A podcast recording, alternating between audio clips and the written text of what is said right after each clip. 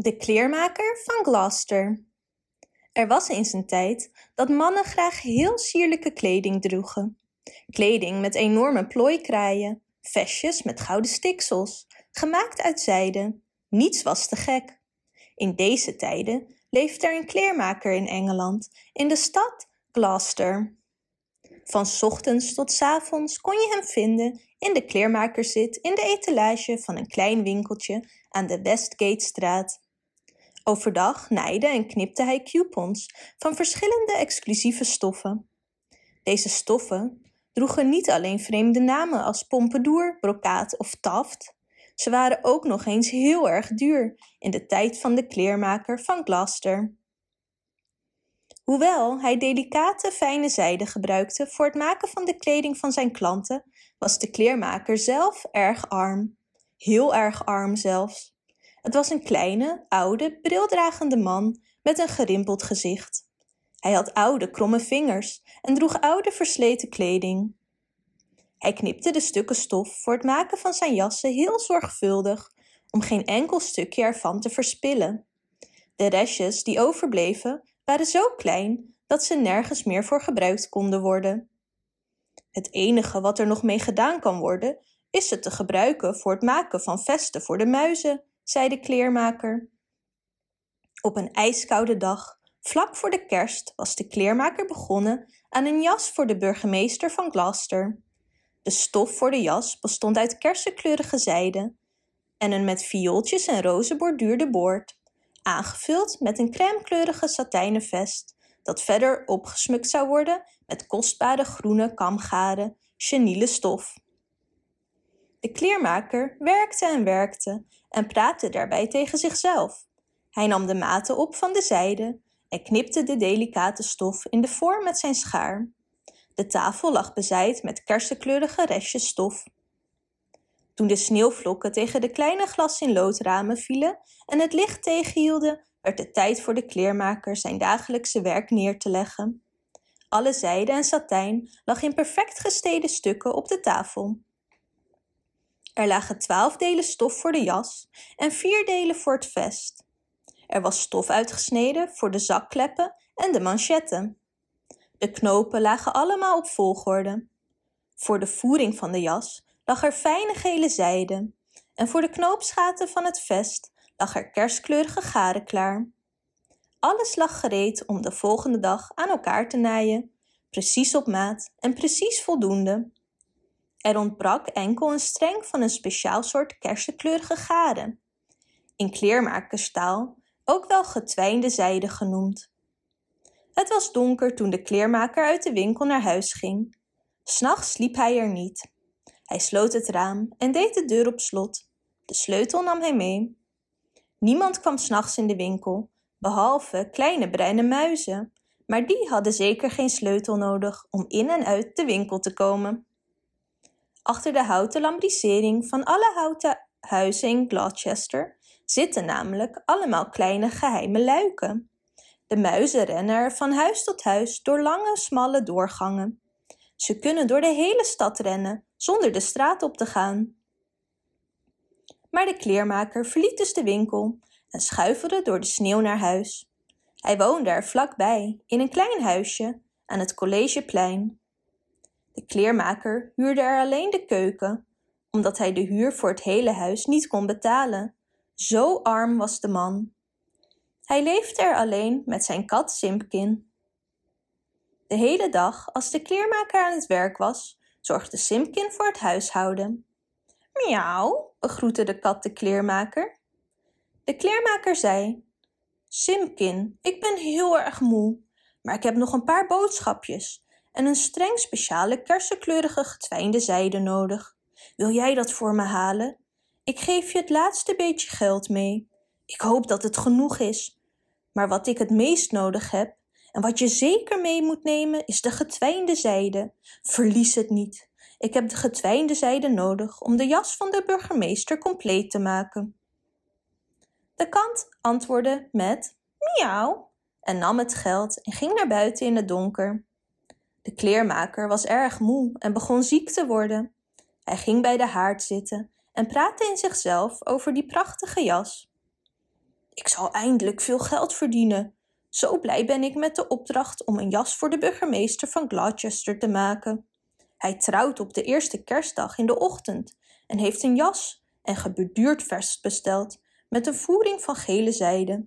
Van de zijde is er voldoende. Er blijft niet veel over dan kleine restjes. Voldoende voor het maken van vestjes voor de muizen. Plotseling werd het in zichzelf praten van de kleermaker onderbroken door kleine geluidjes uit het dressoir aan de andere kant van de keuken. Tip-tap, tip-tap, tip-tap.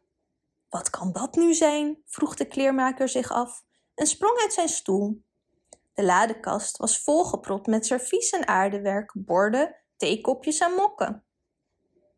De kleermaker liep door de keuken en bleef doodstil bij het dressoir staan luisteren en bekeek de kast eens goed door zijn bril. Weer kwamen van onder een theekopje vrolijke geluidjes. Tip-tap, tip-tap. Dit is heel eigenaardig, zei de kleermaker, en hij tilde het theekopje op, die ondersteboven stond. Daaronder vandaan kwam een levende vrouwelijke muis. Ze maakte een diepe buiging naar de kleermaker en verdween tussen de latten van het dressoir. De kleermaker ging weer bij het vuur zitten en warmde zijn arme koude handen en mompelde in zichzelf. Het vest is gesneden uit persenkleurige satijn. Was ik verstandig om mijn laatste cent aan Simpkin toe te vertrouwen? 21 knoopsgaten van kersenkleurig getwijnd garen. Maar opeens kwamen er opnieuw andere kleine geluiden uit het dressoir. Tip-tap, tip-tap. Dit is wel echt bijzonder vreemd, zei de kleermaker en draaide nog een theekopje om dat ondersteboven stond. Onder het kopje verscheen een mannelijke muis. Hij maakte een diepe buiging voor de kleermaker. Toen klonk er van overal in het dressoir een koor van kleine tikjes. Tip-tap, tip-tap. En onder de theekopjes, kommetjes en schaaltjes kropen meer muisjes naar buiten, om daarna te verdwijnen tussen de latten van het dressoir. De kleermaker ging dicht bij het vuur zitten en mijmerde. 21 knoopsgaten van kersenkleurig getwijnd zijde. Het moet zaterdagmiddag klaar zijn en het is dinsdagavond. Was het verstandig om de muizen onder de kopjes te bevrijden? Simpkin zal ze er wel verstopt hebben. Maar ik ben zwaar de klos als ik het getwijnd garen niet heb. De muisjes kwamen weer tevoorschijn. Ze luisterden aandachtig naar alles wat de kleermaker zei over het patroon van de prachtige jas, de zijde voering en de restjes stof voor de muizen. Toen renden ze allemaal tegelijk weg, door de gang, achter de lambrisering. Er was geen muis meer in de keuken van de kleermaker toen Simpkin terugkwam met de boodschappen. Simpkin was niet blij toen hij weer thuis was. Er zat sneeuw in zijn oren en sneeuw in zijn kraag, aan de achterkant van zijn nek. Hij hield niet van sneeuw. Hij legde de boodschappen op het dressoir en keek wantrouwend naar de theekopjes. Hij had wel trek in een lekkere muis. Simpkin, zei de kleermaker, waar is mijn getwijnde zijde garen? Maar Simpkin had een klein pakje in de theepot verstopt en gromde naar de kleermaker. Als hij had kunnen praten, zou hij hebben gevraagd: Waar zijn mijn muizen? Wat een pech, ik ben zwaar de klos, riep de kleermaker van Gloucester. Bedroefd ging hij naar bed. De hele nacht zocht Simpkin naar een muis. Hij keek onder de theekopjes en onder de schalen en potten, maar tevergeefs, er was geen enkele muis. De oude kleermaker woelde die nacht in zijn bed. Hij werd steeds zieker en kreeg hoge koorts. Nog steeds in zijn dromen mompelde hij: Geen garen meer, geen getwijd zijdegaren meer. De hele nacht was hij ziek, de volgende dag ook, en de volgende dag en ook de volgende dag. Hoe moest de kersenkleurige jas er nu komen? In de kleermakerswinkel in Westgatestraat lagen de geborduurde zijde en satijn uitgesneden op tafel. 21 knoopsgaten. Wie moest nou komen om ze te naaien? Bovendien had de kleermaker het raam gesloten en de deur goed op slot gedaan. Maar dat houdt de kleine bruine muisjes niet tegen. Ze rennen zonder sleutels in en uit alle oude huizen in Gloucester. Buiten schokten de marktmensen door de sneeuw om hun ganzen en kalkoenen te kopen en hun kersttaarten te bakken. Maar er zou geen kerstdiner zijn voor Simpkin en de arme oude kleermaker van Gloucester. De kleermaker lag drie dagen en nachten ziek in zijn bed en het werd kerstavond en het was heel laat in de nacht. De hele stad Gloucester lag in diepe slaap. En nog steeds wilde Simpkin zijn muizen terug en hij miauwde ze bij het hemelbed. Maar volgens een oude legende kunnen alle beesten praten in de nacht tussen kerstavond en eerste kerstdag, hoewel er maar weinig mensen zijn die ze kunnen horen of weten wat ze zeggen.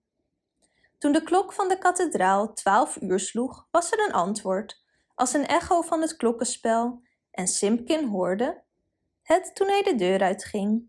Hup, zo de sneeuw in. Van alle daken en gevels van de oude houten huizen in Gloucester klonken duizend vrolijke stemmen die oude kerstliedjes zongen. Het luidst klonken de stemmen van de hanen. O jemig, wat een lawaai, zuchtte Simpkin. Er brandde licht uit een zolderkamer en er werd gedanst en gezongen. Simpkin zag alle katten van Gloucester er naartoe gaan. Alle katten van Gloucester, behalve ik, dacht Simpkin.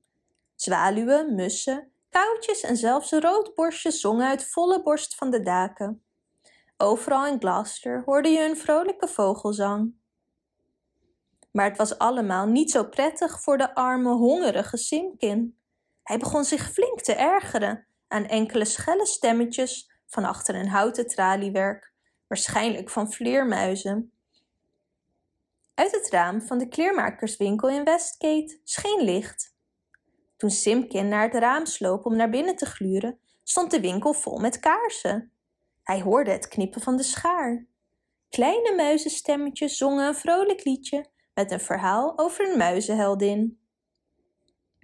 Simpkin onderbrak het liedje met een luide miauw.